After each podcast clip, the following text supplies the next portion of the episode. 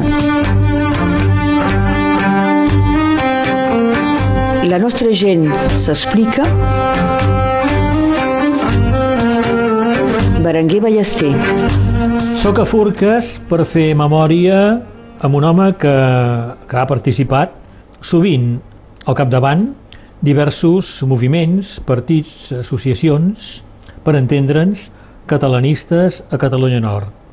Jordi Vera, bon dia. Bon dia. I gràcies d'acollir-me a casa teua. Fa poc que hi sou aquí, no? Sí, fa alguns mesos, només. Doncs ets un, un forcatí recent. Sí, sí, sí, totalment recent. Encara, no, encara potser no sóc encara forcatí.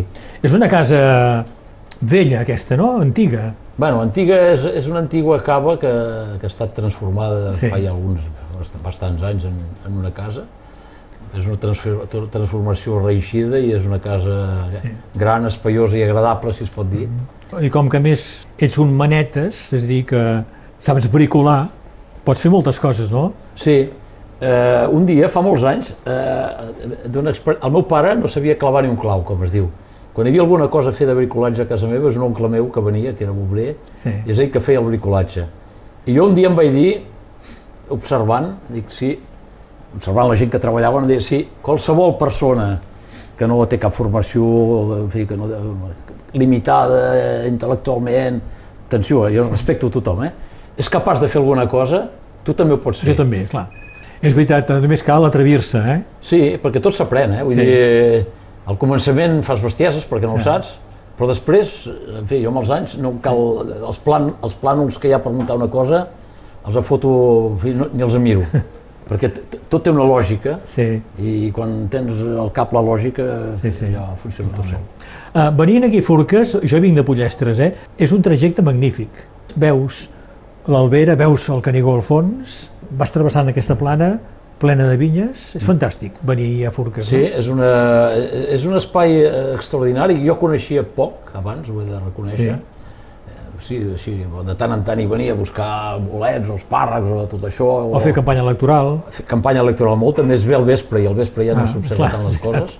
I efectivament és un lloc eh, meravellós, Sí. és un dels més meravellosos que hi ha aquí, potser només comparable amb Banyul, Cervera i tot això. Jo, jo conec bé el país, eh? soc dels que he trepitjat tots els, tots els vilatges del departament, tots absolutament, no n'hi ha cap que no hi hagi posat els peus.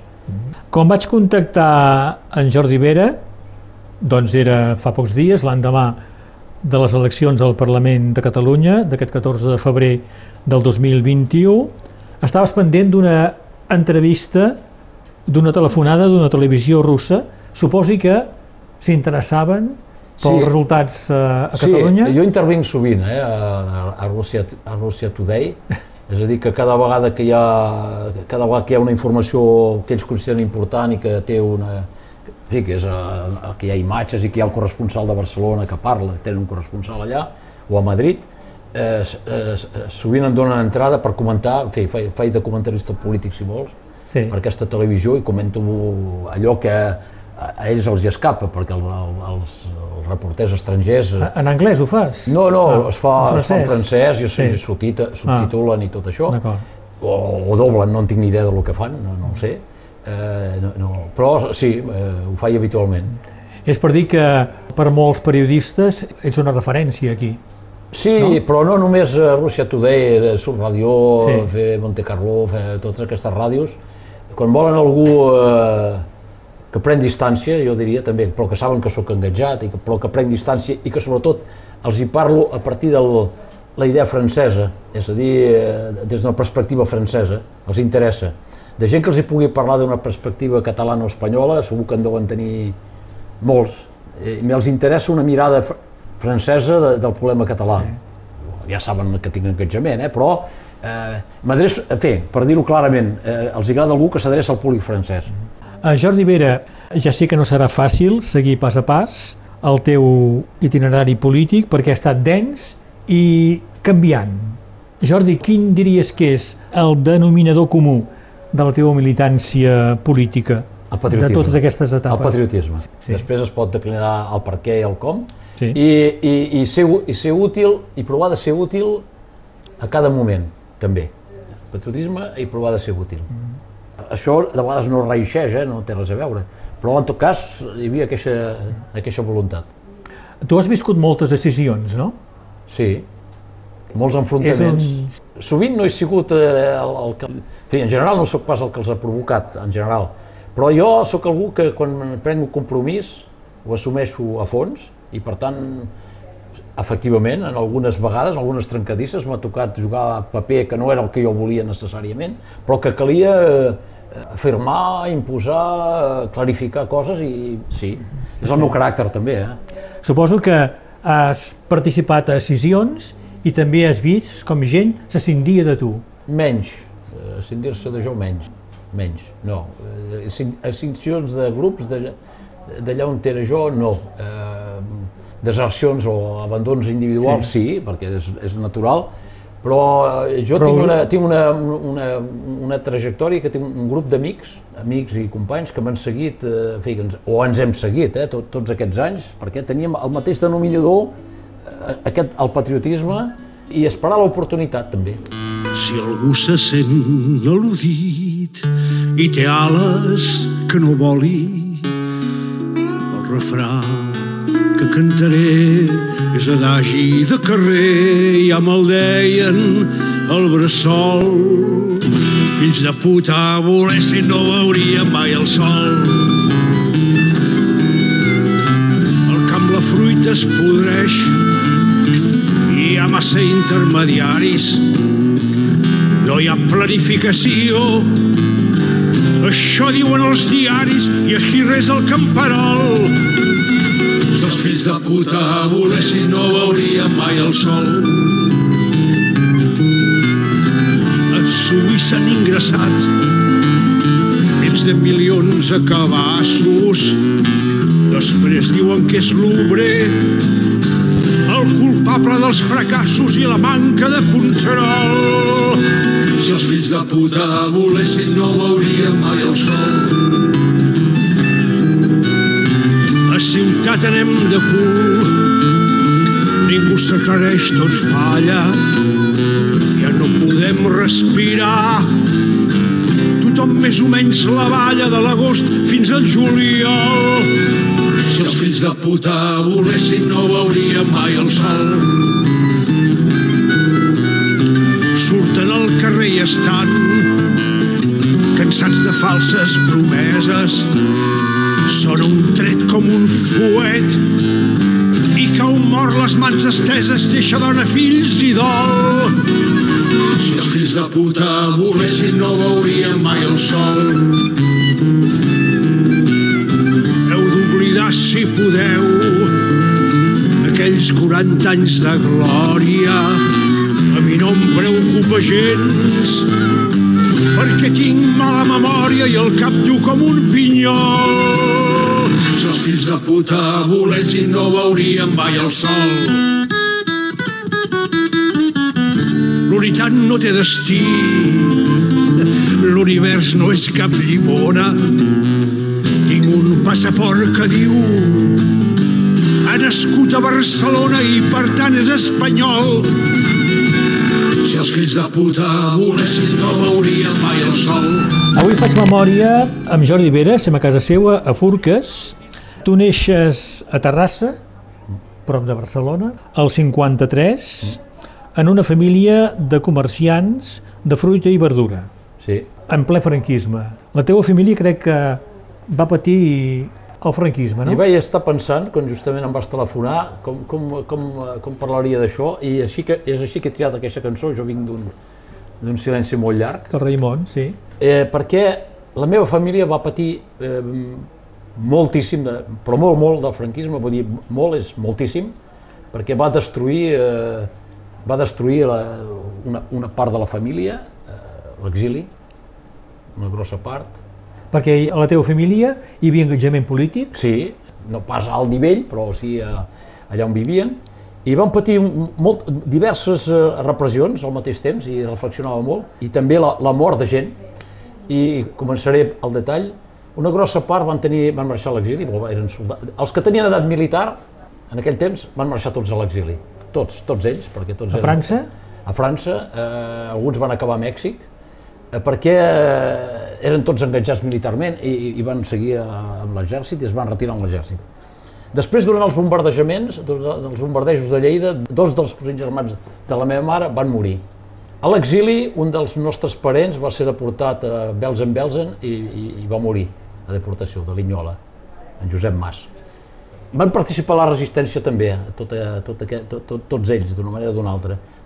La meva família de, de Lleida, de la meva àvia, van ser expropiats a la fi del franquisme, tots els seus béns que tenen a Lleida, que era una família de, de mestres pairers, els mestres eh, van ser, eh, els hi van prendre tot i els hi van robar eh, to, absolutament tot el que tenien i també van tenir que abandonar Lleida per anar a Terrassa a viure a casa d'una de les seves filles, de les seves filles, la meva, la meva àvia i la seva germana que vivien a Terrassa.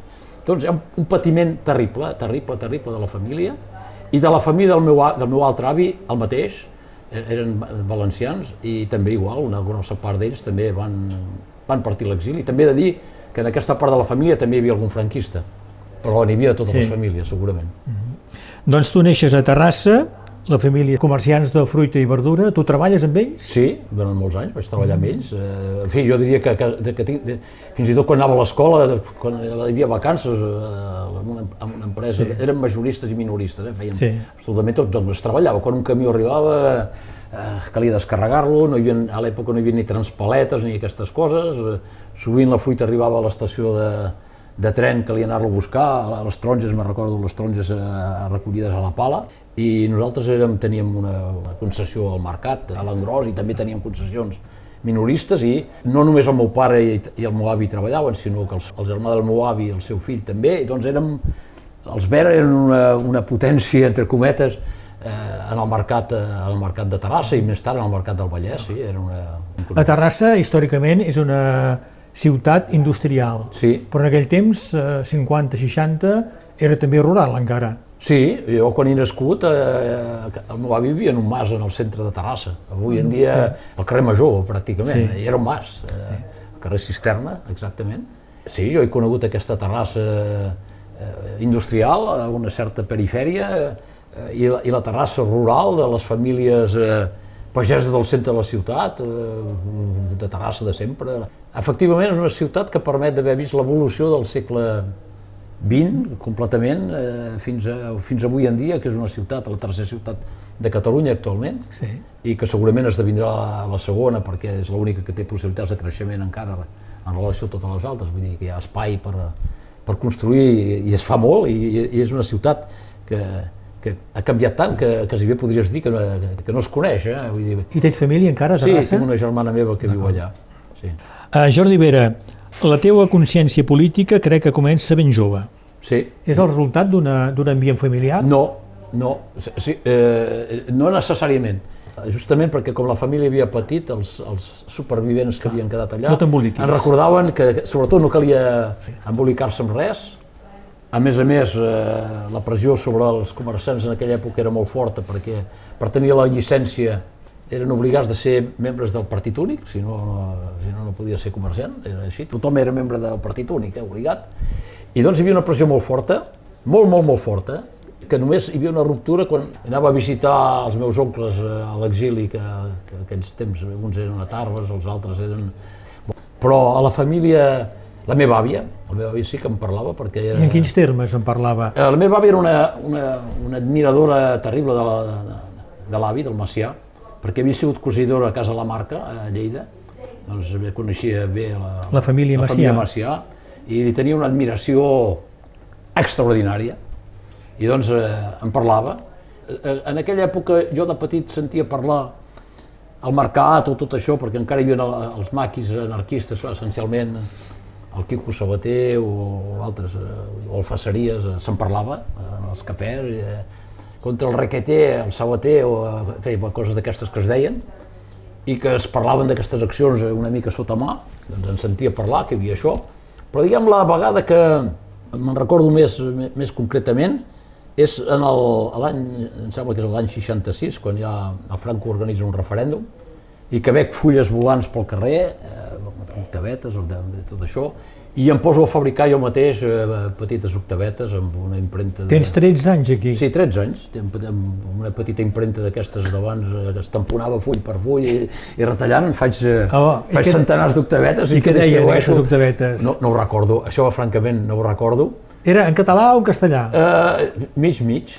Per què en castellà? Perquè en, en castellà ho devia fer perquè suposo que era la, totes les octavetes que devien circular devien ser en castellà sí. i, i, i i t'explicaré una anècdota per sobre d'això, però no, no recordo ben bé amb quina, amb quina llengua sí, sí. les vaig escriure, no ho recordo ben bé, però el català l'ha escrit, segur que no l'apreníem a l'escola. Jo, jo la primer, el primer dia que he anat a l'escola el recordo perfectament perquè la mestra d'escola eh, van dibuixar a la, a la pissarra, un, pissarra com deien allà, eh, un, un ocell, eh, era un pàjaro i jo, per mi era un ocell, un ocellet, i va haver una, una d'allò i em van posar amb unes orelles de burro a la finestra eh, per aquest motiu. I com vaig arribar a Perquè casa... vas dir ocell? Per dir ocell. Com vaig arribar a casa, em vaig parlar a la meva mare, i dic que a l'escola ens enganyen, i em diu, escolta, escolta bé el que et dic. Efectivament, a l'escola us enganyen. Però tu faràs com si no ho sabies. Doncs tot el que et diguin allà, dius que sí. I tu ja saps que és que no, però dius que sí. La meva mare. Sí. És la seva manera d'explicar-me, eh, la seva manera que... Sí. Això. Fem un parèntesi, Jordi Vera. Parla'm de la situació lingüística en aquell moment. El català és present a tot arreu. Tot, tothom parlava català. Eh. Fins i tot el, el primer que arribava d'on t'arribés eh, es posava a parlar, a parlar català ràpidament perquè tothom els parlava, tothom parlava en català els de sí. fora. Has parlat doncs ja de l'escola, que va servir com a repressió lingüística. Parlava, el mestre d'escola era l'únic que parlava castellà, sí. suposo. En algun moment a Terrassa, quan ets jove o infant sí. o adolescent, se't reprimeix lingüísticament? Tens record? Jo tinc records de que les famílies B, com deien, les famílies B, que eren catalano-catalanes, parlaven en castellà en aquells anys, perquè deien que era més, més fi, més, més fi. Més, però no els únics que ho feien, eh? I ho van deixar de fer quan van començar a arribar a P d'andalusos. Quan van veure que tots aquests desgraciats que venien de tot Espanya parlaven castellà, van deixar de parlar castellà i van tornar a parlar català. Però hauria pogut passar, hauria pogut passar. I també he de dir que els, els repressors, els màxims repressors a la ciutat, els, la, la, la gent més dolenta de la ciutat, eren catalans. El cap de la, el cap de la falange es deia Matallonga, era un fill de puta de primera, vull dir, tothom era, terroritzava la població, fer tots els... Sí. Eh, els, els caps de la falange eren tots eh, autòctons, no eren de fora. També n'hi havia de fora, però els que manaven sí. eren tots autòctons. I tenien una, un odi, bo, a Terrassa, durant la guerra, durant el, el 36, el 19 de juliol del 36, els anarquistes van, van assassinar molts industrials i molta gent de la Lliga, va, molts lligaires, i doncs eh, quan, quan el 39 eh, aquests van tornar per venjar-se. Eh? Tu vius, Jordi Vera, en ple franquisme, doncs anys 50, eh, 60, es vivia amb por en el franquisme? Hi havia por? Sí, hi havia molta por, claríssimament. Hi havia molta por i, i a més a més era raonable aquesta por. Vull dir, també anecdòticament al mercat hi havia, venien uns pagesos de Mata de Pere, que no sabem parlar espanyol del tot, eh? zero clients nostres, i tenien un fill ximplet, sí.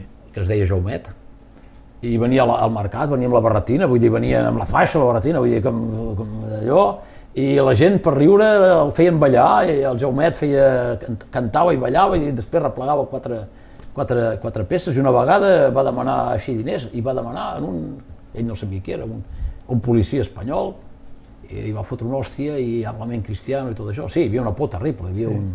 En fi, es, es, feia, es feia atenció de lo que es deia, que és una actitud que jo penso que els catalans han interioritzat de fer atenció que, que és una cosa que els francesos no l'entenen de cap manera, eh? vull dir, aquesta prudència de ple de coses perquè per el que pugui passar, de no parlar de certes coses sí. eh, i de fer-ne molta atenció, i, i, i això ha anat acompanyat d'una picaresca, també d'una manera de fer, que és adaptar-se a allò que és eh, quasi bé, que no, però que el paral·lel podria ser com el, el, la gent als camps de concentració de treball també també s'adaptaven, sí, sí. és l'adaptació humana a una adversitat. Jo vinc d'un silenci antic i molt llarg de gent que va alçant-se des del fons dels segles de gent que anomenen classes subalternes jo vinc d'un silenci antic i molt llarg jo vinc de les places i dels carrers plens de xiquets que juguen i de vells que esperen. Homes i dones estan treballant als petits tallers a casa o al camp. Jo vinc d'un silenci que no és resignat, d'on comença l'horta i acaba el secar, d'esforç i blasfèmia perquè tot va mal. Qui perd els orígens perd identitat.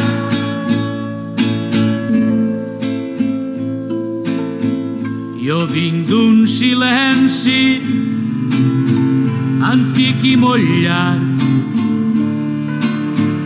de gent sense místics ni grans capitans que viuen i moren en l'anonimat que en frases solemnes no han cregut mai.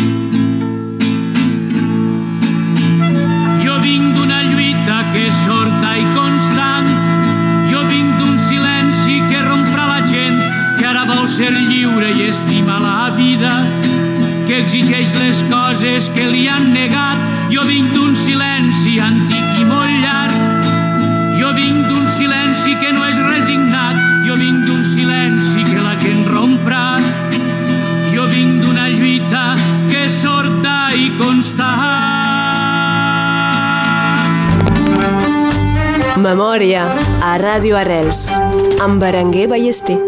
Jordi Vera, sabem doncs, que amb 13 anys fas la teva primera acció política. Sí. Tu sol Sí. decideixes editar uns pamflets Sí, o unes sí. octavetes. I què fas amb aquestes octavetes? Les distribueixo les, Sí. les, pel carrer, a les cases. Les dones o les no, llences les pel dones carrer? No, ah. Ah. no, no, les posen a, a sota les Sí, portes, en fi, vaja, distribueixo aquests papers. I després d'aquesta primera acció, què passa? Després busco com... Eh, perquè era molt difícil, tot era clandestí, busco entrar en contacte amb algú, no sé amb qui exactament, i, i l'oportunitat es dona quan, eh, a través d'un amic, eh, d'un amic, eh, sé que es fan assemblees de comissions obreres a, a la perifèria de la ciutat.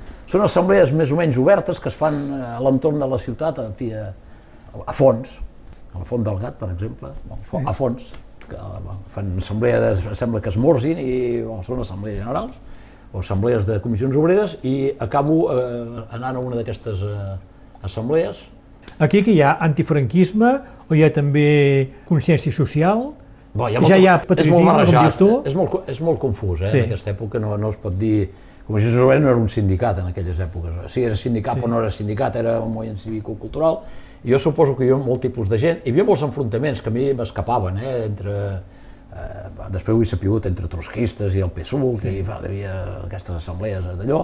El que vaig remarcar, el que, una de les coses que vaig remarcar molt ràpidament és que tothom parlava, tothom era que bo, i, des, i després quan parlaven dues persones, que eren sempre les mateixes, això anava a missa.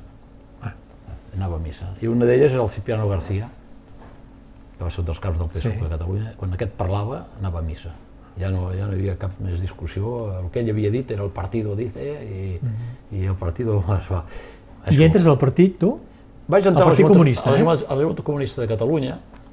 Aquí ja començo a tenir bastanta consciència catalana, perquè, per exemple, quan distribuïen el Mundo Obrero, jo preferia distribuir Lluita, o, o bé Nous Horitzons, o... I has contactat els catalanistes? No puc dir que hi haguessin gaires catalanistes a l'interior de- d'això. Els catalanistes es trobaven més aviat a fora d'això, i a la ciutat de Terrassa, els catalanistes, molts d'ells, eren velles famílies de lligaires. O, o llavors Bueno, la dreta eh, o- catalanista. O, o de la Unió Democràtica, Sí. en el millor dels casos. No hi havia catalanistes eh, del Front Nacional, de Catalunya, per entendre's, no hi havia això, no, hi havia pràcticament, no n'hi havia.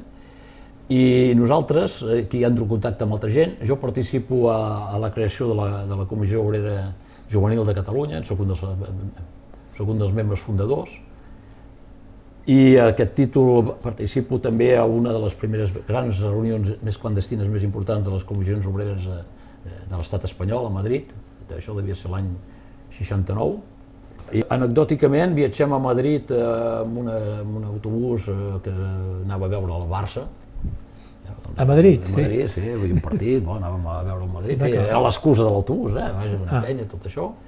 I vam arribar a Madrid, bo, jo no sé, allà ens van organitzar, vam fer, aquesta assemblea general va tenir lloc en un convent, ho he sapigut després, eh? vull dir, en aquella època no em vaig posar la qüestió on era, però era en un convent, i el que em va frapar d'aquesta reunió, que això va ser una cosa molt forta, va ser, es tractava de fer una vaga general, que era el 1970, aquesta vaga general havia de ser convocada el 1970, i eh, els, els comunistes i d'allò eh, reclamaven eh, huelga general i tot això, i els delegats del País Basc i de Navarra eh, es van oposar, deien que no es podia dir de cap manera nacional, perquè ells eren una nació, i el, la conclusió va ser que es va dir jornada general de vaga. Ah. Va desaparèixer nacional, Nacional. I, i, i va desaparèixer Sí. vaga. Això sí que em va... eh, Jo era catalanista ja, eh? però, però quan no hi ha un ambient és molt difícil de, de viure-ho, però això em va, realment em va impressionar. I tornant d'aquesta reunió, aquest autobús anava baixant la gent a Lleida, no sé què, i jo em vaig aturar, eh, perquè tenia, tenia família pròxima a Linyola, i vaig baixar a Mollerussa per anar a Linyola, vaig dir, "Ah, que ets aquí, te'n vas a Linyola, aniràs a passar uns dies a Linyola. I aquest autobús va arribar a Barcelona, i a Barcelona tots els de l'autobús van ser detinguts. Ah. Tot Déu, el ganxo. Sí, tots, sí, tots, tots. Els que van arribar a Barcelona els esperaven tots. Vull dir, eh, Cipriano García, en fi, tots els líders d'aquell, to- tots al ganxo, tots, absolutament tots. Uh, Jordi Vera, després de comissions obreres, què arriba per tu com a militància allà política? ens vam organitzar, de seguit vam veure que això no, que no, no, que no ens convenia, que s'acomodaven, que eren, bueno, reformistes, com es deia en aquells temps, i nosaltres vam crear, estàvem molt eh, inspirats pel, pel guevarisme segurament i pel castrisme segurament, i pel, pel Carlos Marighella, que era un, un teòric eh, guerriller urbà de, de, brasiler, i també va, també va a Xile, al MIR, tot això, i nosaltres vam crear un moviment que es deia Izquierda Revolucionària, eh, que era un moviment, eh, jo diria, ma- marxista-leninista, però eh, favorable a la lluita armada. I amb aquest grup vam començar a fer un cert nombre de- d'accions, eh, expropiacions eh, de tot tipus, eh, financeres, eh, o també de materials. De, vam començar a crear una, una estructura. Aquest grup va anar creixent i vam entrar en contacte a través d'un company, no sé com es va fer això, amb un, eh, amb un militant del Front d'Alliberament de Catalunya, Estanislau Solà, que, és, que era algú de Terrassa, que era un contramestre de, del textil, i amb ell vam col·laborar, vam fer accions comunes amb ell. I quan va haver una caiguda del FAC, aquest Estanislau va, va marxar. Vam acabar sabent que aquell, ell havia anat a caure a, a, primer a, a, Mira, a Mirapaiset, aquí de Tinlauda, i amb un company de, de, del grup vam fer un viatge per trobar-lo. Vam anar a Mirapaiset, eh, a Mirapaiset no hi era, eh, els seus cosins, perquè tenia família allà, ens va dir, és que és a Lió. Hòstia, amb, un- amb un cotxe a l'època, amb trossos d'autopista feta i no feta i tot això, vam fer el viatge a Lió, i bo, prou, el vam trobar l'endemà al matí, era un diumenge, això, el diumenge al matí, vam esperar, la gent ens mirava allà, esperaven dins el cotxe, vam arribar a entrar, i vam, vam reentrar en contacte amb ell, i bo, vam tornar, vam tornar. A l'època, quan, marxava, quan passava la frontera, calia prendre la carta verda, sí. els cotxes, de l'assegurança. L'assegurança, sí. I doncs, sóc jo que vaig conduir el cotxe i bo, vam tornar a Terrassa, i, hòstia, vaig, el viatge el vaig fer i vaig anar a treballar directe, vull dir, no, no vaig poder dormir, vull dir, perquè... No.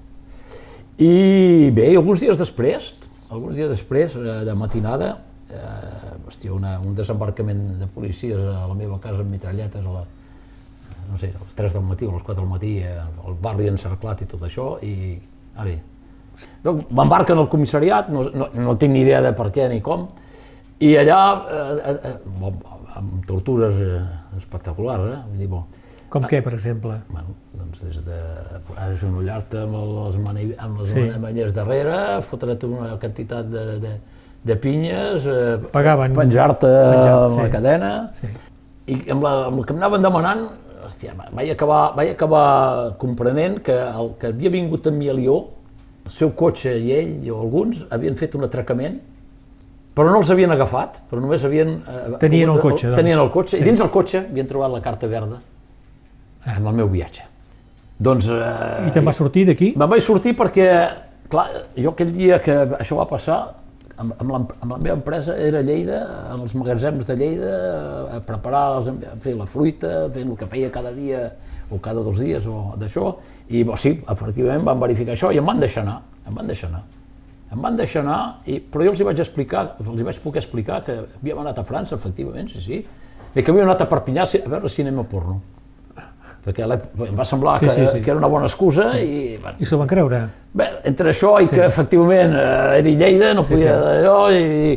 Bon, va, va passar com va passar, però em vaig donar compte que em seguien. Em vaig donar compte que em seguien, que em seguien, cada, cada, que em seguien cada dia, i eh, aprofitant que el mercat, eh, que, que era el mercat, i al mercat ve molta gent, un, un dels companys meus, que era el Josep Maria Torra, que era, que era advocat, em va venir a veure, li vaig explicar, dic, escolta, em segueixen i ens, acabarà, us acabarà, ens acabaran det- detenint a tots perquè a un moment o altre tiraran el fil i d'això i, i li vaig dir, escolta, mira, li vaig donar calés, dic, "Co- compra un, compra'm un bitllet d'avió per marxar eh, i vam organitzar la, la, la, la fugida el mateix dia que el, que el Cruyff va debutar al Barcelona el 28 d'octubre del 73 vaig, vaig entrar a l'estadi a l'estadi de, Del Barça? del Barça, vaig entrar per una porta seguit. Eh, tenia una Sabies que et seguien, Se- doncs? Sí, sí, em seguien a tot arreu, Sí. sobretot quan me n'anava de Terrassa em seguien a tot La arreu. policia, eh? La policia em seguien, em seguien com... Ah. I vaig anar a l'estadi i vam entrar per una porta, allà els vaig despistar, havia quedat amb el, amb el Josep Maria, el nen, li dèiem, a Torre, que m'esperava amb el cotxe, em va portar a l'aeroport, vaig agafar un avió i Barcelona-Lió, i no sé, a cap de dos o tres hores era a Lió ja i, i ja està. Aquest és el teu primer exili? Aquest és l'escapada que vaig tenir. D'acord. Vas a Lió primer, Vaig a Lió, doncs vaig a casa de les Tanis, que, que conec, que és de Terrassa, i també allà trobo un altre, un altre, ter, un altre terrassenc, que és, un, que, que és un veí de la meva mare de quan eren joves, un company de la meva mare de quan eren joves, que, que aquest era allà per raons econòmiques, no res de política, i bo, començo a estar un poc a Lió, començo a treballar en una empresa, tenia un, una bona paga i tot, però... I un dia, un dia eh, fugisserament, clar, passen eh, el Digon i el Gepi, que són dos de, del FAC, camí cap a Bruxelles, tornaven de, de Perpinyà, suposo, i s'at- s'aturen allà i em deixen, la, em deixen bueno, m'arriben a deixar l'adreça, o una adreça, o, o una, un contacte, un vaja. contacte, en Sí. fi, potser una, una, una, una bústia postal, en fi, alguna cosa, em deixa una cosa. Uh, un dia, uh, bon matí, uh, me'n vaig, i dic, me'n vaig a Bruxelles. I vaig a Bruxelles, vaig a, quan vaig a un hotel, els envio una carta i al cap de dos o tres dies apareixen a, a recollir-me i doncs m'incorporo en una casa on hi havia alguns militants del FAC, eren uns quants a Bruxelles i aquí comença la- l'aventura del FAC, El FAC. El Front d'Alliberament de Catalunya. de Catalunya. Era una organització armada. Sí. Passen molts més de moment, botiflers no hi ha a penes. Passa l'Erwick i Blanchet i Lluís XIV de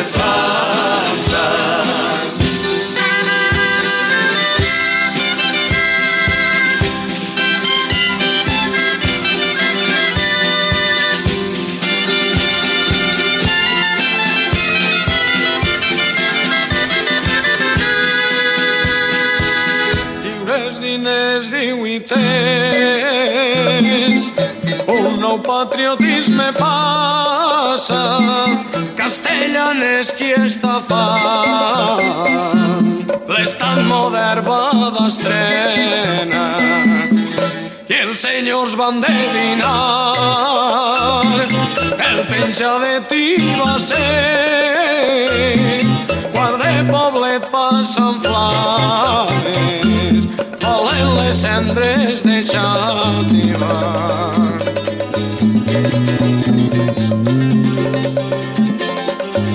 I una extensa polseguera s'escampa sobre la llum que el sol va la comitiva i la remosa en la que el conjur no dura sempre i la història ja és passada.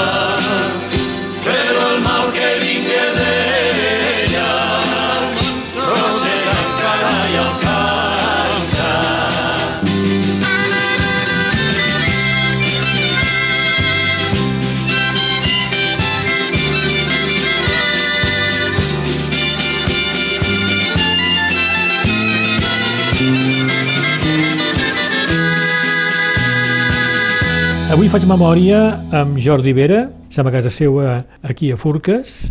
L'hem anat seguint, hem arribat ja a Lió, ha d'exiliar-se perquè la policia franquista espanyola el segueix, va a Lió, després passa a Brussel·les i després arribes aquí a Catalunya Nord. Arribo a Catalunya Nord, no necessàriament per viure, arribem aquí perquè eh, entrem al sud, fem, fem entrades, fem, fem viatges, transportem coses, eh, fem accions. eh, Dins del FAC hi ha l'aparell logístic i polític, jo faig part del, de l'aparell militar, i amb el Josep Digón som els dos responsables de, de, dels comandos eh, le- legals.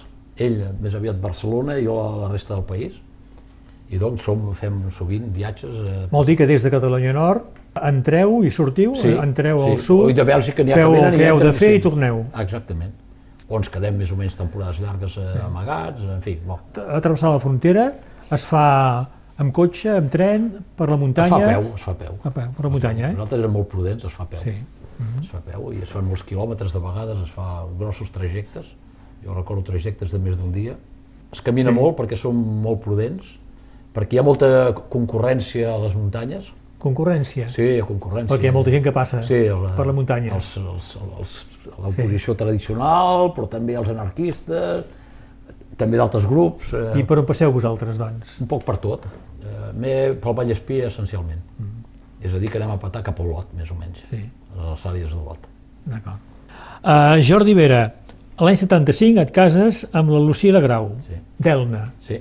Has conegut la família Grau. sí, perquè el seu pare, Gilbert Grau, Gilbert Grau, era una de les persones que ens ajudava aquí, que feia part, de la, entre cometes, de l'aparell logístic de, del FAC, amb altra gent també, eh? hi havia alguns nord-catalans que col·laboraven amb nosaltres, els Sí. passos de muntanya, eh, transport i coses així, hi havia uns quants nord-catalans que ens ajudaven. parla'm de la família Grau, d'en Gilbert Grau. El Gilbert Grau, a l'època, nosaltres dèiem el senyor. El senyor? Sí, perquè era una cosa, no sé per què s'havia instal·lat, els joves del FAC, quan parlaven del Gilbert Grau, deien el senyor, eh, però era el senyor amb respecte, eh? era la, la fórmula, diguem, italiano-corsa de, Sí. El senyor, el senyor... I deien el senyor, suposo, perquè pensaven que era... Pensaven, eh? Que era un burgès, eh? un burgès patriota, i doncs eren els, els maoistes, perquè eren un poc això, deien el senyor d'allò. I era un home molt intransigent amb els països catalans, o sigui que la, la, la nació dels països catalans. I, I nosaltres no estàvem d'acord amb aquesta definició, però nosaltres Catalunya era Catalunya, era Catalunya, eh, les quatre províncies, el Rosselló i la Franja de Ponent i prou. I amb això teníem, teníem desacord, amb la ideologia també, eh? Sí. Però era, un- al- algú era hiperpatriota i ajudava tot Déu, la casa seva era la casa de Déu, per, per, tot, per algú que vingués del sud, i, bon, i en particular, bon, jo encara més perquè em vaig acabar estant en aquella casa, segur. Quan és que s'acaba el FAC? El Front d'Alliberament El de FAC, Catalunya? el FAC s'acaba, jo diria, eh, el 77. S'acaba el 77. Hi ha moltes, hi ha moltes coses, ja seria massa llarg, eh? Hi ha tensions, hi ha, tenim molta gent a la presó, hi ha molta gent detinguda a, a la fi del franquisme, teníem molts militants a la presó, eh, però no només a la presó espanyola, en teníem també a França, perquè havien hagut que havien estat detinguts transportant coses, en fi, bon. Sí. teníem molta gent, molta, molt, molt, molt, molta, molta repressió, i quan el franquisme s'acaba i que hi ha la fugida de Segòvia, que el Carles García Soler s'incorpora més o menys al FAC, eh, ell no ha seguit l'evolució que ha seguit el FAC, i es provoquen moltes divergències perquè no estem d'acord eh, amb ell, essencialment no estem d'acord amb ell i li manifestem, i, va, i, i també arriba de fi el franquisme i s'ataca una nova etapa, i jo amb els meus, eh, amb els que em segueixen a mi, que és els nuclis, vull dir, els ma- majoritaris, eh, nosaltres diem que, que arriba un sistema democràtic i que cal l'expressió independentista, la cal també portar eh, democràticament eh, al carrer i d'això. Estava molt equivocat, perquè ningú estava, en aquells moments ningú estava disposat a escoltar res independentista. Però bé, pensàvem que, era, que calia fer i ho fem, i creem un, un moviment que dura molt poc de temps, moviment revolucionari català, que prova de fusionar-se amb el PSAN, amb el PSANP, en ple de grups, eh, no funciona perquè tots aquests grups eren molt, eren molt, eh, jo crec, molt, molt intel·lectuals, essencialment. Nosaltres no veníem d'aquesta, el nostre grup no venia pas d'aquesta formació intel·lectual, no eren, el nostre món no era món de professors i d'ensenyants, era un món de, d'obrers, d'empresaris, de, era un altre món, eh, de classes mitjanes, i, i no ens entenem, no, no ens podem entendre de cap manera, perquè, a més a més, també hi ha el fet que no ens havien ajudat mai durant la, la clandestinitat, això també era un element essencial, fins i tot eh, havien sigut virulents contra nosaltres, mm. doncs no els hi feien gaire confiança. Eh, I, bo, i curiosa, curiosament, quan temps després aquests s'evolucionaran en un altre sentit, però en aquell temps era així. A Jordi Vera, t'has casat, doncs, eh, amb la Lucila Grau, família Grau, d'Elna, això és el 75, estàs instal·lat, doncs, a Elna, Sí. L'any 76 es crea la Bressola, sí. la primera escola catalana. Tu hi ets i participes sí. a la creació. Sí. I com va ser això? No, no recordo com va ser, eh, sí, sí, vagament, eh? El Miquel Mayol i la Maria Àngel Falqués tornant del País Basc eh, veuen la Icastola i, i diuen hem de fer alguna cosa aquí. Es fa alguna cosa que no era encara la Bressola en ella mateixa a la clínica del doctor Barriera, no es pot dir que allò encara... Allò era una més clínica aviat, veterinària. Sí, clínica, allò era més aviat una guarderia que va esdevenir després una estació, però al sí. començament no és encara, una, no és encara ben bé una, una associació i la creem realment i comencem a fer publicitat per fer, a, a reclutar.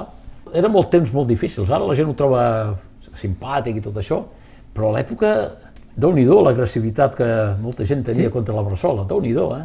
Pel fet de ser catalana? Pel fet de ser catalana, pel fet de no ser eh, l'ensenyament públic, eh, sí. com deien, eh, privat, en fi, hi havia tot aquell llenguatge, i recordo una anècdota important, no sé si algú te l'haurà repetit, ben fet, la puc repetir perquè val la pena, per mi és perquè correspon a una certa manera de veure les coses.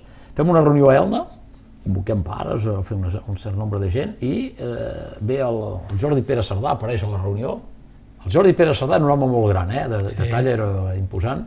Bo, discutim, es queda, es queda dret, no se senta, ens escolta i un moment donat intervé i diu nois, esteu molt equivocats. Si feu això, això que dieu, forces immenses vos esclafaran. Textual? Textual, textual, textual. No sóc el sol que t'ho puc repetir, però hi ha altres persones que eren allà.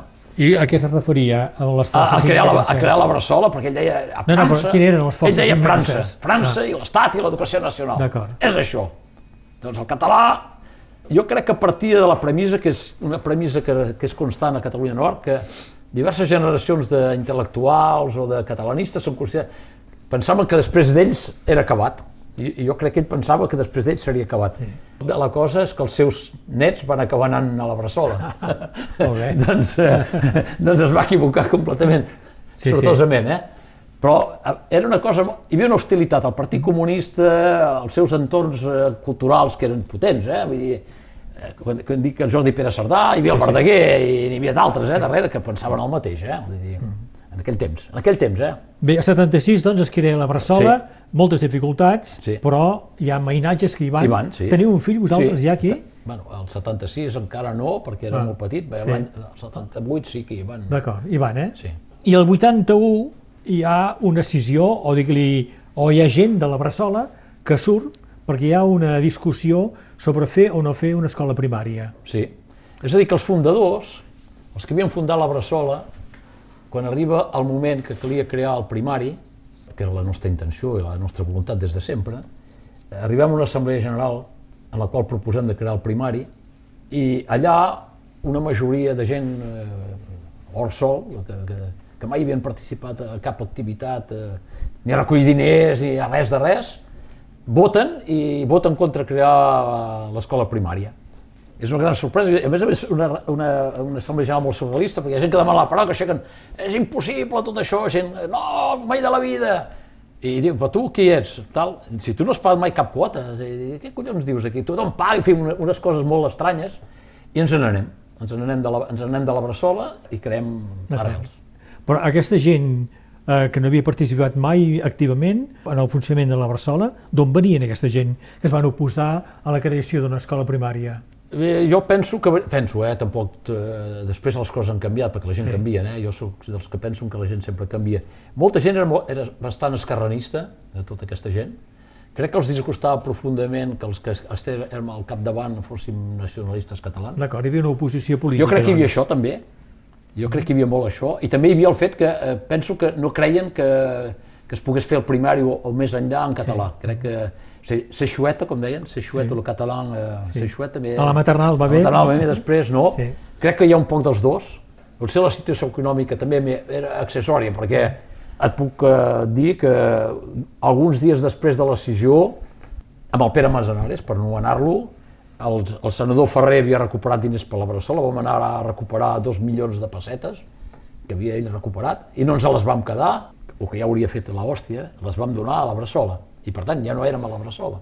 Li vam explicar, ja no som a la Bressola, vam transportar els diners, els vam donar a qui calia i, i va, perquè... Bé, doncs alguns elements de la Bressola surten i creen l'associació Arrels. Sí. És l'any 81, Sí, amb la intenció de fer una escola, una escola. que farà també escola primària. Sí, i ho fem. I ho feu. I ho fem, i comença amb quatre alumnes. Dos fills meus, eh, un petit Puig i la noia... co- Sí, la, no me'n recordo com es deia, la noia. Els seus pares viuen a Taltaüll. Bon, Sí. som quatre. Comença amb quatre alumnes, Sí. el mateix 81 l'associació Arrels crea la ràdio. Sí, hi ha l'oportunitat, hi ha el... s'apropen les eleccions presidencials i efectivament és que la ràdio, la decisió es va prendre a la casa de els Casals, vam fer una reunió, una, una reunió a la llur casa, que a l'època la, ella era la plaça del Puig. A la, pla- al costat de la plaça del Puig, va, és aquí que vam prendre la decisió de crear, de La crear la ràdio. ràdio. I va ser aquí que es va crear. Es va crear, sí, oficialment. bueno, sí, no sí. eren tots convençuts, no eren tots convençuts, era molt Sí. confús tot això, Sí. sí. en fi, vam prendre, la, vam prendre la decisió de que sí que es feia. Doncs era una associació que es crea per crear una escola, però té una visió més àmplia. Sí, perquè fer catalanisme, eh, eh, jo diria de fer catalanisme estructurat. No pas eh, fer, fer bufar ampolles, sinó fer coses que fossin estructurades. I, i, I es va fer.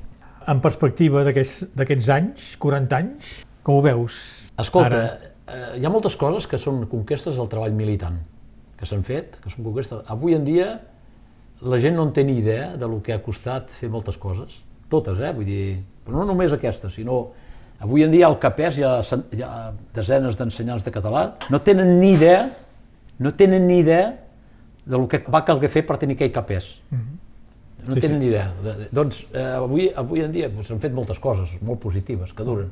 S'han fet estructures que són sòlides, de tot tipus. D'enyorances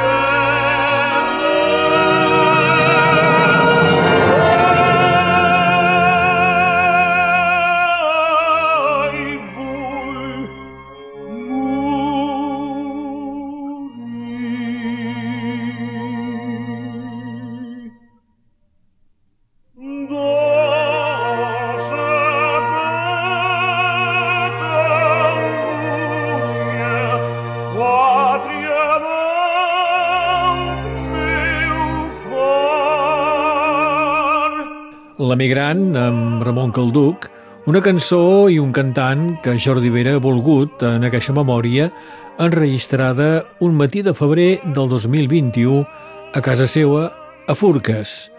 Fins aquí la primera part, que acaba amb la creació l'any 81 de l'Escola Arrels i Ràdio Arrels, a la que ell va participar. Hem de continuar, doncs, seguint el seu itinerari, la militància a Terra Lliure, després els partits Esquerra Republicana de Catalunya, Partit per Catalunya, Bloc Català, Convergència Democràtica de Catalunya, fins a arribar al 2016 amb la creació de UI UPI Català, del que n'és coordinador. Vinc d'un silenci antic i molt llarg de gent que va alçant-se des del fons dels segles de gent que anomenen classes subalternes jo vinc d'un silenci antic i molt llarg Segona part de la memòria amb Jordi Vera, enregistrada a casa seva a Furques, un matí de febrer del 2021. Jo vinc d'un silenci de Raimon, és una de les cançons que ell ha volgut, explicarà el per què, a la fi de la missió. Ja sabem un munt de coses d'ell, que va néixer a Terrassa, prop de Barcelona, el 1953, doncs, en ple franquisme, en una família de comerciants de fruita i verdura. Una família que, com tantes altres, eh, va patir greument la repressió de la dictadura acabada la guerra. Als 13 anys comença la seva consciència política, veu que hi ha gent que ha llançat eh, fulls antifranquistes al carrer i ell fa el mateix. Després arribarà la militància a comissions obreres, la consciència nacional catalana, la militància al Front d'Alliberament de Catalunya, el FAC, i el 1973 l'exili primer a Lió i després a Brussel·les. Jo vinc d'una és sorda i constant. Jo vinc d'un silenci que romprà la gent que ara vol ser lliure i estima la vida, que exigeix les coses que li han negat. Jordi Vera, després del teu exili a Lió, Brussel·les, arribes a, a Catalunya Nord, t'instal·les a Elna, t'has casat amb una filla Instal·lo alguns anys més tard, perquè he passat, van passar alguns anys a Terrassa. Doncs ens instal·lem, al, al 81 ens instal·lem a, a Elna. Al 77 hi ha hagut una llei d'amnistia Sí, i tu te'n beneficies. Sí, Estem parlant de l'estat espanyol, eh? sí me'n beneficio, però amb condicions particulars en relació als meus companys, perquè jo, eh, quan, quan vaig fugir, la, quan vaig tenir que marxar, eh, era en edat eh, de militar, i no solament era en edat militar, sinó que se'n va obrir un procés de un Consell de Guerra sumaríssim, justament per l'acció del FAC, i em trobava una situació particular que tenia, estava en rebeldia militar, fe, vaig, era en rebeldia i vaig ser condenat per rebel·lió militar. I doncs una de les condicions que el meu advocat va tenir que negociar amb els militars, perquè les coses no eren simples, eh? eh amb els militars van ser que van exigir que malgrat tot, si volia Sí, sí, beneficiar el l'amnistia tenia que fer el servei militar, doncs vaig estar un any i pico fent el servei militar. En aquest període. I després vaig treballar una mica en allà, algun, amb, algun, amb l'empresa, i després me'n vaig eh, separar de la... De, de, vaig deixar l'empresa a la meva germana i el meu cunyat. I vas tornar i aquí vaig tornar al aquí, nord. Sí. A Elna? sí, a Elna durant bastants anys. I aquí a Elna continua la teva militància política? Sí, eh, sí, encara que són anys eh, molt complicats, perquè no hi ha gaire... En fi, hi ha una espècie de, de, de derrotisme ambient o anestèsia, jo diria anestèsia més aviat, tot ho està anestesiat. Participo, tinc contactes amb eh, gent del PSAN, amb els quatre independentistes que n'hi ha. Jo sempre dic que a l'any 78 d'independentistes arreu de, de la nació potser érem 50. No crec que en fossin més. Ho dic molt seriós. Actius, segurament. Sí. Parlo d'actius, no, Sí, sí. de, de simbòlics, eh, Sí, molts, sí, però clar. organitzats potser sí. n'eren 50, independentistes, eh? Perquè n'hi havia que eren els partits independentistes, però que no eren independentistes. Bon, dit, va, 50, va, és igual. I doncs participo més o menys al rearmament ideològic d'aquest espai en aquests, en aquests anys, sí. I al 78 es crea l'Organització Armada Terra Lliure. Tu no hi ets pas a la No, creació. no, perquè això és organitzat per una fracció dels independentistes, els més, eh, els més ideològicament a extrema esquerra, jo feia part eh, dels més, eh, allez, diguem més eh, tradicionals, més marxistes tradicionals, eh, doncs no, no hi participo mm. pas. Però hi entraràs després. Sí, no és la meva, no era la meva voluntat, però eh, circumstàncies fan que sí que m'hi acabo tenint que trobar. Fins que el 1992 es posa, més o menys als 90, es posa en qüestió la lluita armada i dins de Terra Lliure hi ha una cisió i diversos militants decidiu negociar amb el govern espanyol. Sí, això has dit així... Eh, és el 92, això, sí, no? Sí, però el 92 no hi ha una divergència, hi ha una cosa que és fonamental, que, que, és, que és la, a la base de tot, és la caiguda del mur de Berlín. Quan, quan el mur de Berlín cau... El 89. El 89, bueno, calen 3 anys perquè les coses evolucionen i tot això, quan cau el mur de Berlín hi ha una cosa que, eh, que canvia. No hi ha més blocs. Els blocs, eh, el bloc de l'est i l'oest desapareixen, doncs eh, moltes coses que, que semblaven impossibles abans esdevenen possibles.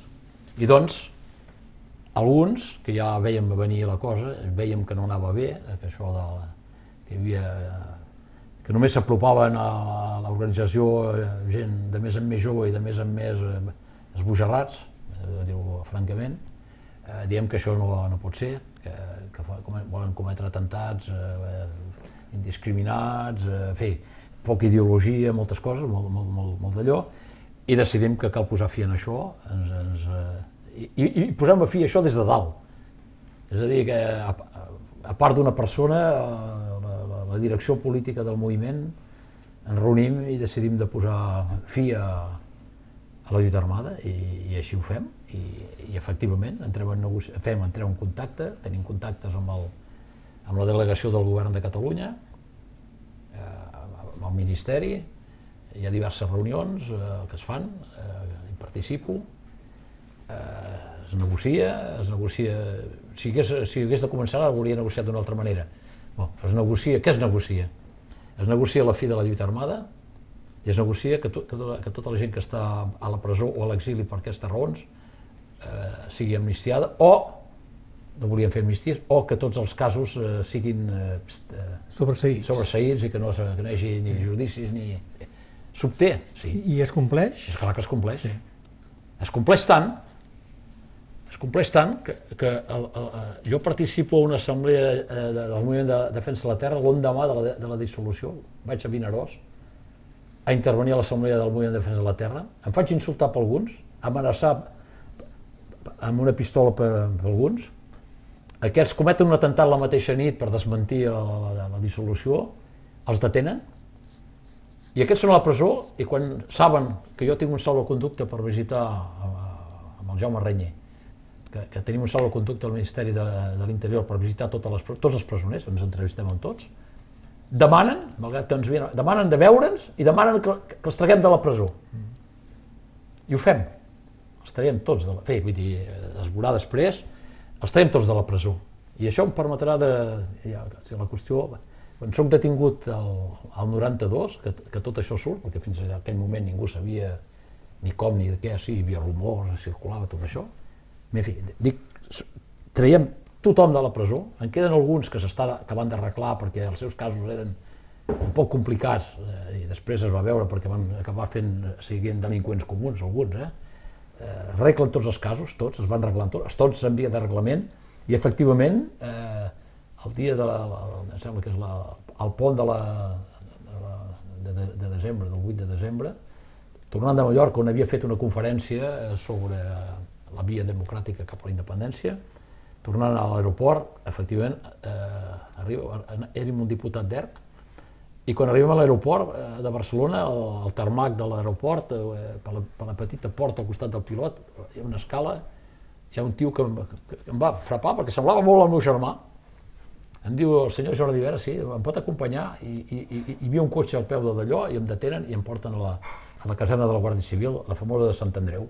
Donc em detenen, tornant de Mallorca, i... Eh, I per què et detenen? T'ho diuen? Em detenen, ells no m'ho diuen, de, de totes maneres, no em diuen gran cosa, eh, no em diuen gran cosa, però la mateixa nit em transporten a Madrid amb cotxe, eh? vull dir, encaputxat, amb cotxe. eh, uns guàrdies civils eh, amb els quals arribo a discutir, sobretot aquest, li dic, la, la vostra, perquè després eren encaputxats, eh, vull dir, a part dels que, els dos que vaig localitzar a l'aeroport, després eren encaputxats, on els hi veies la cara.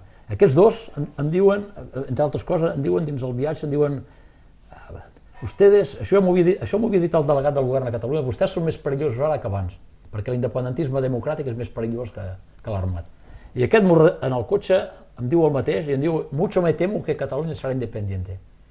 No sé quan durarà, però sí. això està fotut. Em diu, està, això està... No, no hi tenim res a fer. Bo, bo, fem el viatge a Madrid, i a Madrid, allà, eh, penso que la, el calabós de, de la Direcció General de Seguretat, allà sento, efectivament, sento... No, mentida, pas la Direcció General de Seguretat, som a una caserna de la Guàrdia Civil.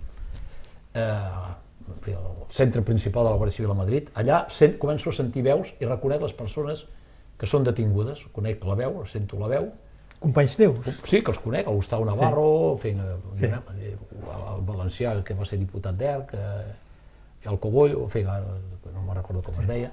Sento les veus i dic, bo, sé, acabo de fer una foto de qui és que és detingut, perquè no en tinc idea, i sé que els van traient i que els torturen, que els torturen, ho sento, perquè sento els, els gemecs i quan tornen sento gemegar, i a mi no em torturen, pot semblar-te extraordinari, no em torturen, però ho he sapigut després el per què.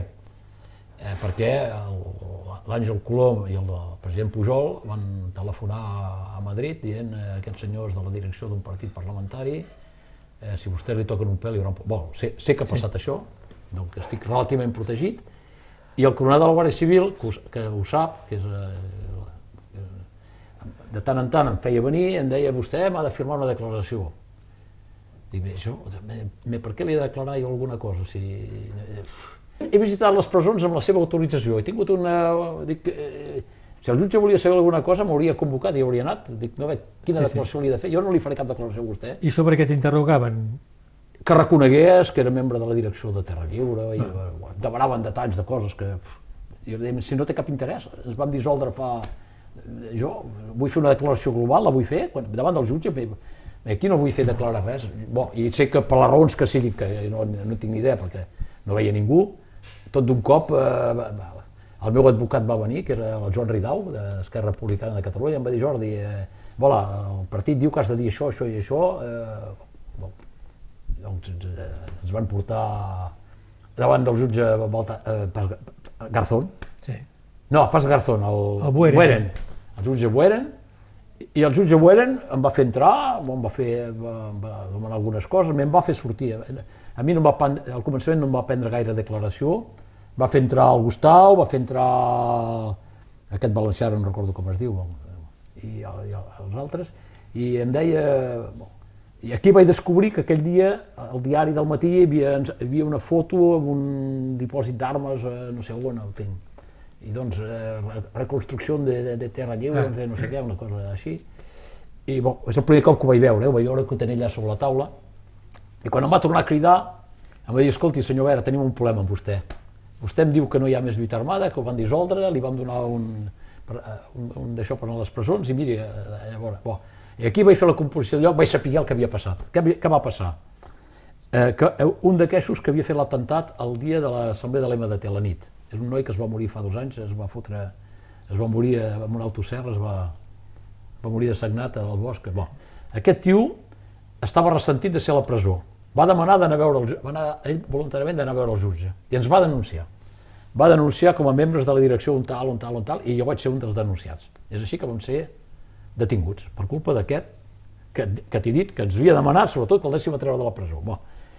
I és així que va passar. I arribem allà, i quan sóc allà, veig la, el per què ha passat tot, ho descobreixo en aquell moment, perquè no ho entenia el per què, vull dir, i li dic, escolti, vostè, si vostè m'hagués convocat fa sis mesos, una, cinc mesos, tres mesos, jo hauria vingut. No hi havia cap problema, no... Diu, sí, però, diu, però sap que vostè s'hauria tingut que presentar voluntàriament. Diu, voluntàriament a què? Si jo, jo he tingut segon conducte, si he negociat amb el Ministeri l'Interior, vostè deu, n'és al corrent, vull dir, la prova que ha firmat alliberaments de gent. I diu, sí, però tinc un problema encara un altre. Diu, miri, vostè té aquest senyor aquí, el Cogolo, que no vol confessar, que no vol dir, que, que no vol dir res. I bon, llavors, dic, escolti, porti, faci'l venir. El fa venir, això és... va al seu pesant en hora. El fa venir i el Cogolo em mira i, i dic, Cogolo, tu ets un soldat, no? Ets, ets, ets un soldat de les unitats de, de Terra Lliure. Diu, sí. Diu, tu ets uh, disciplinat. Diu, sí. Tu obeeixes al teu comandant. Sí. Doncs ara, digues al jutge això, això i això. I ho va fer. I al cap d'una hora, sortir? i al cap d'una hora vam sortir tots al carrer, tots quatre. Afegeixo, el que s'ha dit després, també, que tinc interès, eh, ara, ara hi ha prou distància per fer-ho.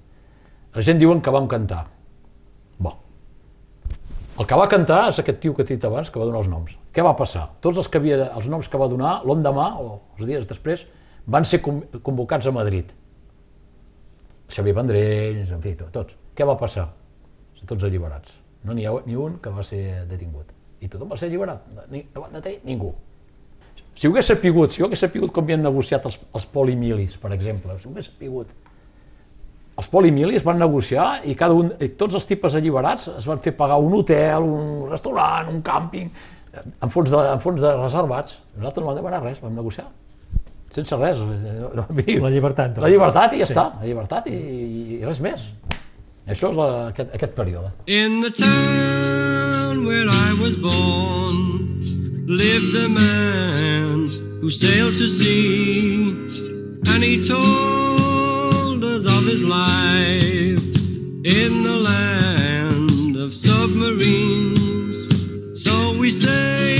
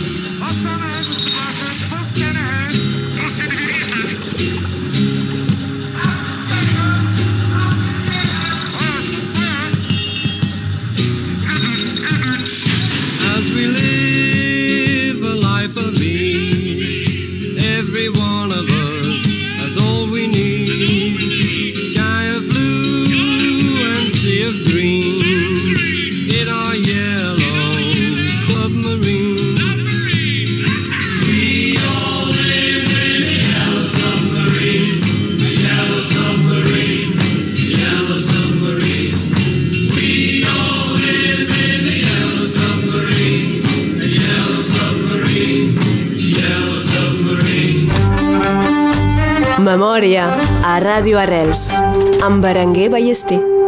Avui faig memòria a Furques, amb Jordi Vera, estem a casa seva. Ja sabem moltes coses. Ara voldria eh, centrar-me en tot l'itinerari polític de Catalunya Nord. Després de Terra Lliure, tu entres a Esquerra Republicana de Catalunya. Esquerra Republicana, això són anys 90-2000. Esquerra Republicana, Partit per Catalunya, Bloc Català, Convergència Democràtica de Catalunya, fins a arribar al 2016 amb la creació de UI UPI Català. En totes aquestes organitzacions, o has estat eh, el creador, el president o el coordinador, podem dir que és una part important de la història del catalanisme polític a, a Catalunya Nord. Jordi, pots fer un, un resum històric de- d'aquesta etapa? Començaré per ERC, perquè d'ERC no sóc un creador. No, ah, no, ERC, evidentment. no, bé, és important. Sí. Sí. ERC, eh, m'hi- afilio, Però seràs un dels Sí. creadors de la Federació Nord-Catalana. sí, No? per, per accident. Sí. Perquè, per accident, realment per accident. Es crea, es crea la secció, eh, primera secció d'ERC, i arriben a eleccions. ningú dels que eren d'ERC de sempre vol ser candidat, ningú.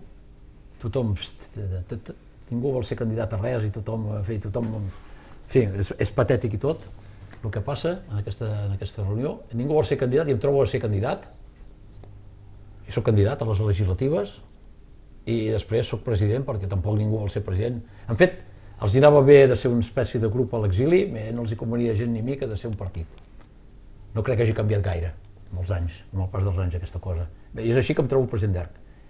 I efectivament, molt ràpidament, no em sento còmode a ERC, per raons, eh, de tot tipus de raons que són eh, d'allò, i prenc una decisió, en aquell moment prenc una decisió, és que ma- mai més no participaré activament, en fi, tot el que faré serà de participar a la vida política a Catalunya Nord, potser aprofitant coses del sud algunes vegades, bé que ja només, ja no participaré més a, a, en tot cas com a capdavanter a res que passi a Catalunya del Sud. Ho és aquell moment que ho decideixo.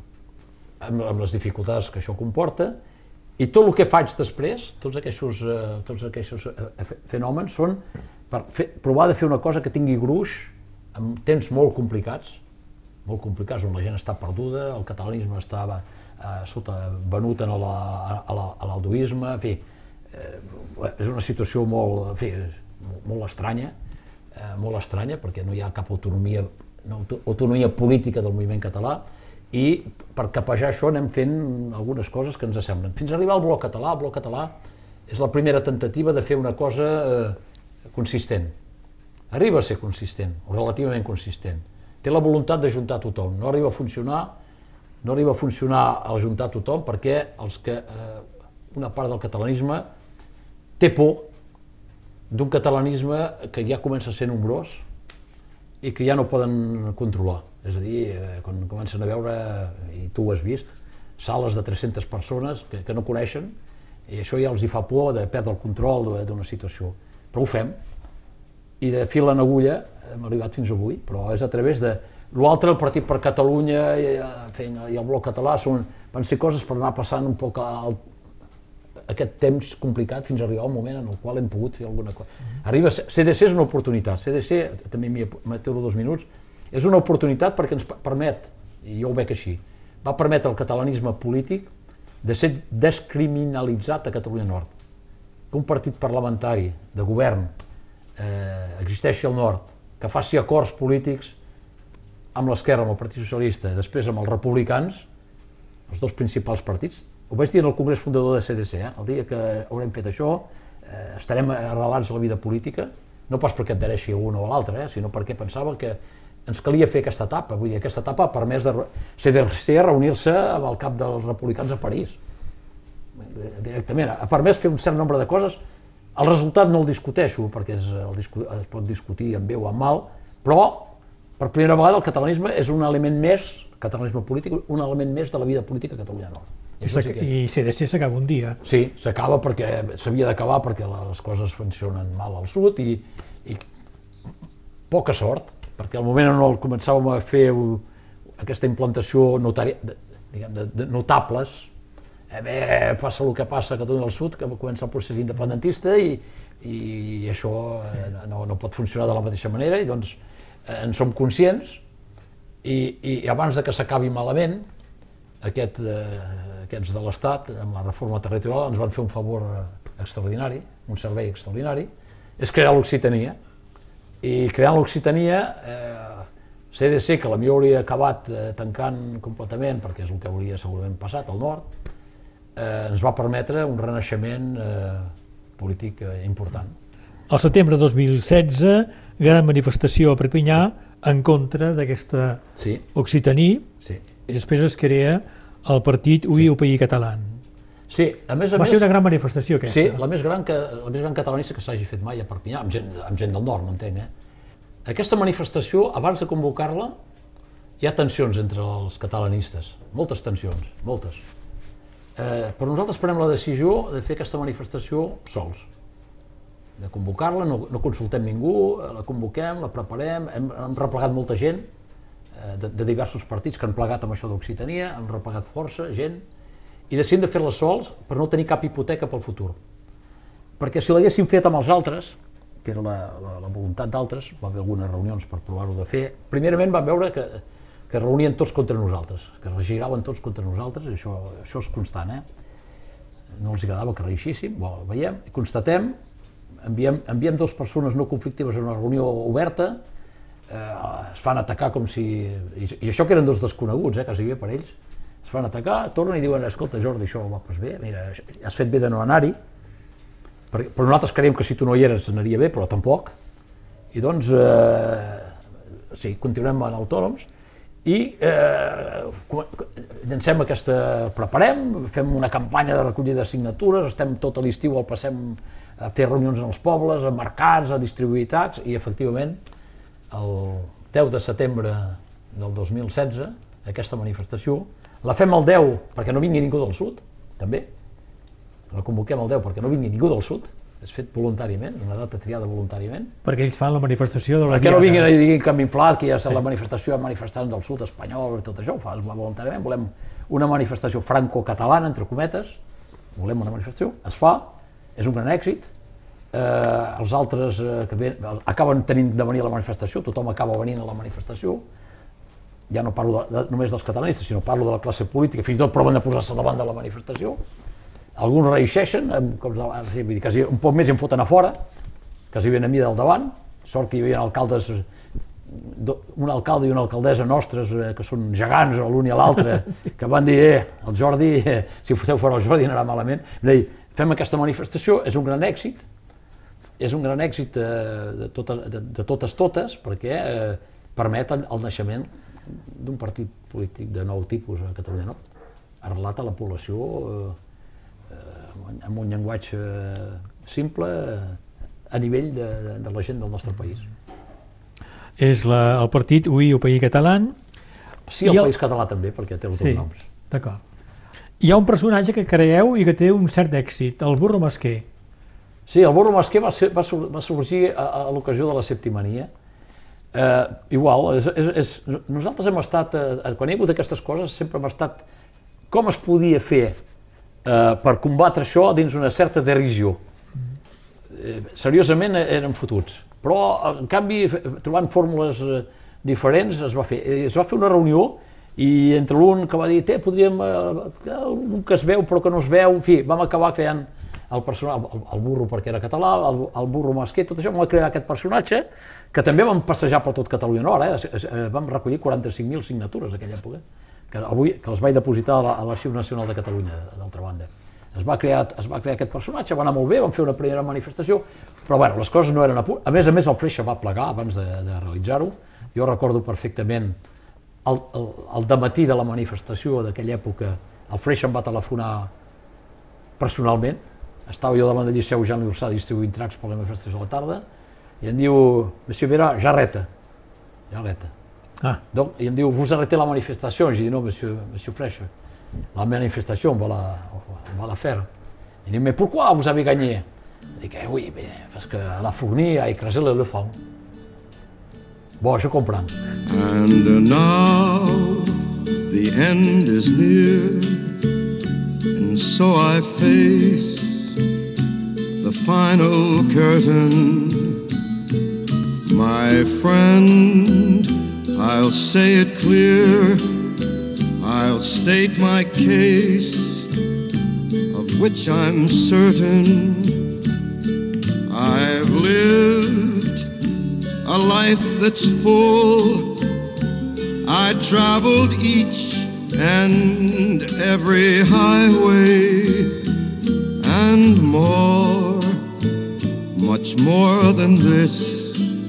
I did it my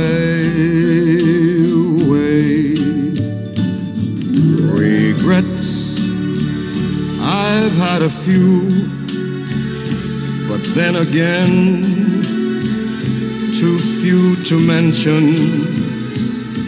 I did what I had to do saw it through without exemption. I planned each charted course, each careful step along the byway and more, much more than this. I did it my there were times I'm sure you knew when I bit off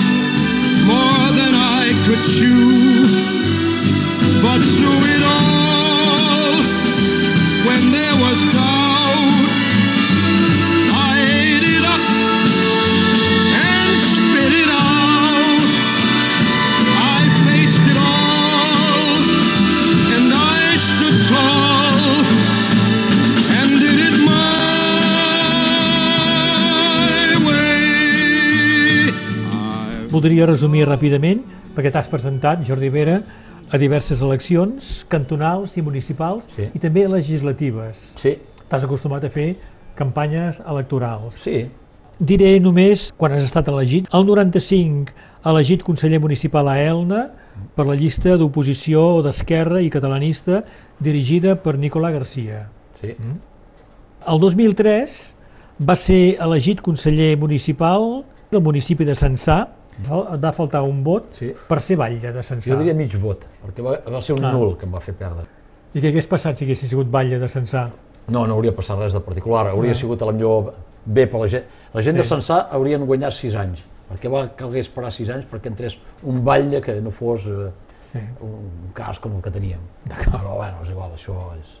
I el 2008, i després el 2009, el 2008 elegit conseller municipal CDC de Perpinyà en una llista de coalició Unió amb l'Esquerra, oposició, doncs, a Jean-Paul Alduí. Sí.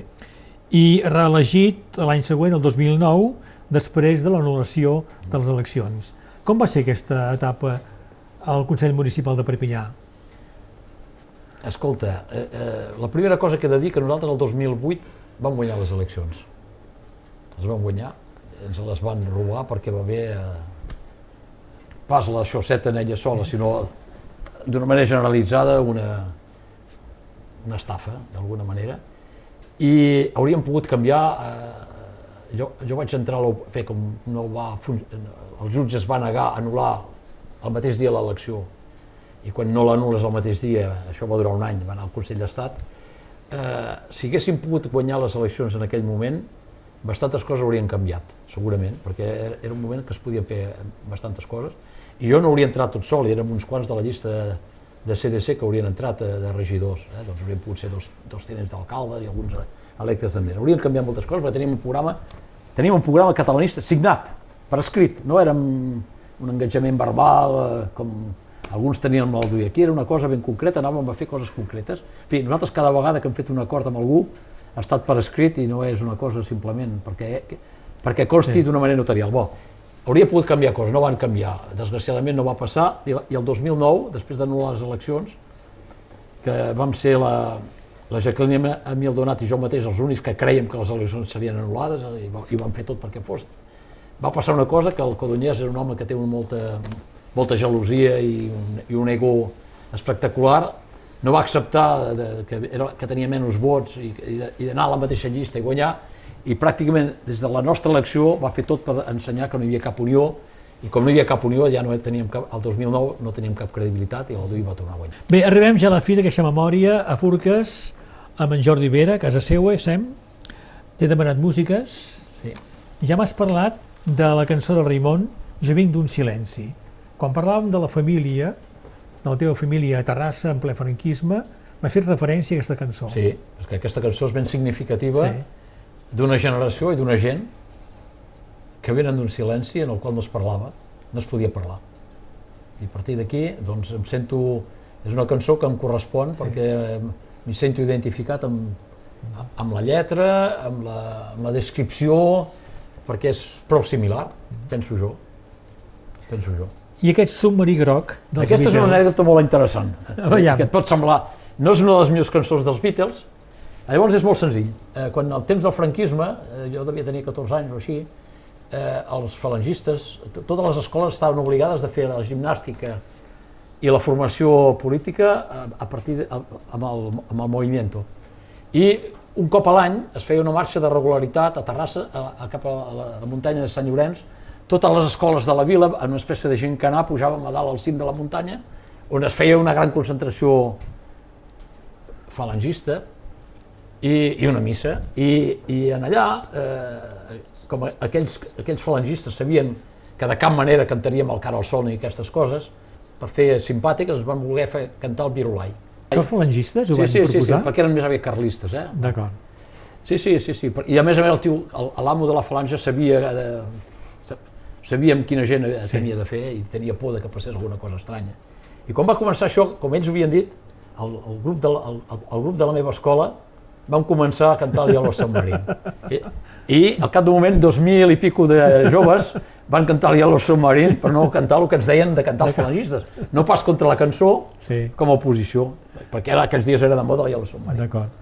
I Bon. el Quico Pi de la Serra? Bueno, fins de Buda, Fills de Buda. és la guerra del Vietnam, també. Eh? Sí. És, eh, els americans... Eh, a la meva, jo, la meva joventut, sí. abans no n'he parlat, jo vaig ser detingut el, el 1969 durant una manifestació contra la guerra del Vietnam i vaig passar algun temps a la presó i aquesta, i aquesta cançó doncs, em parla també d'aquest moment eh, particular del qual d'allò. I tenim un Sinatra, també. Sí, eh, Sinatra My Way, eh, com d'habitude, eh, és també un, una cançó, eh, bo, es vol una cançó eh, una mica balanç d'una vida. Va, no, no, no, no necessàriament amb el que ell diu, però sí que és un, es pot ser un, Sí. un, un, una cançó que simbolitza un balanç de- d'allò que has fet, que et poses les qüestions, I tu has fet balanç ja? O ho deixes Sí, més no, no, endavant? bé, el, el balanç l'acabaré de fer, però s'està acabant sí, de fer, forçosament. I hi ha una altra cançó que és La processó, del Tall. Del tall. És una cançó patriòtica, Sí. que dona ganes de, de lluitar, que mostra la voluntat de la, de la gent d'un país. La meva família, del, del part del meu pare, eren de, de, d'Alcoi i d'Enguera. Enguera i Alcoi són a les portes d'Almansa. Doncs quan el mal ve d'Almansa, Sí. tot, tot el món alcança Sí. com diuen allà. Doncs també, to- aquestes, cada una d'elles, d'una manera diferent, n'hauria pogut triar d'altres, n'havia triat d'altres, i després fas una selecció, perquè clar, cal, cal parar. Cada una d'elles eh, reflecteix un moment determinat. N'hauria posat algunes de molt més patriòtiques i emotives, Com quines? l'emigrant, Sí, eh, d'acord. eh, el cant de la senyera, vull dir, n'hi ha, Sí, sí. ha moltes, eh, Ramon Calduc, algunes de Ramon Calduc, que no m'agrada particularment Calduc, perquè les seves cançons són engrescadores, algunes sardanes i tot això, però aquestes les portes al cor i no, no, no, no, marquen particularment.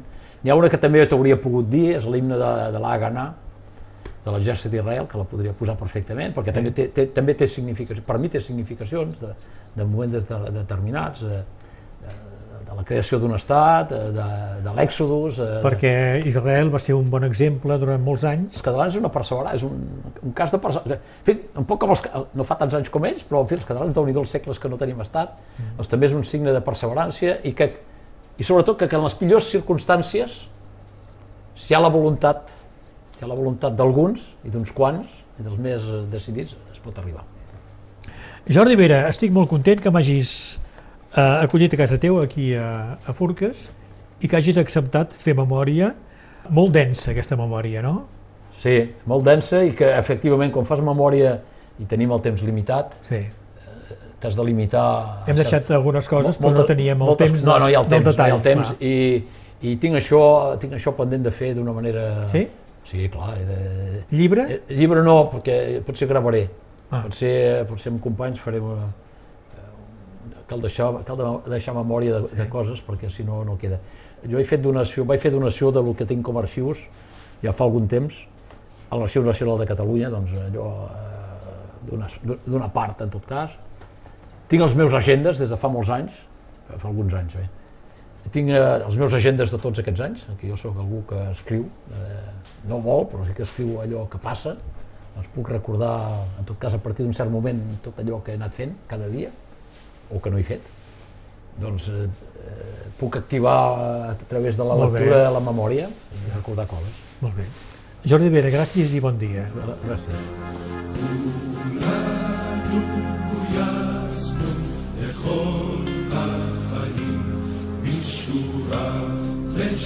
בימים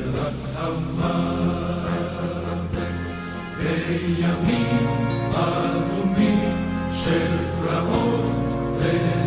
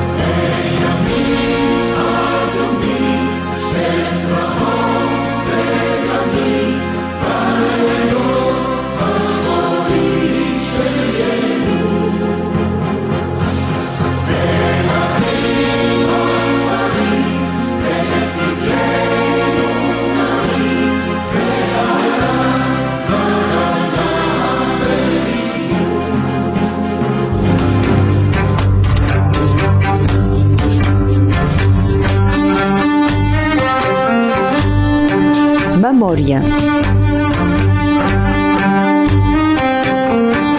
La nostra gent s'explica. Berenguer Ballester.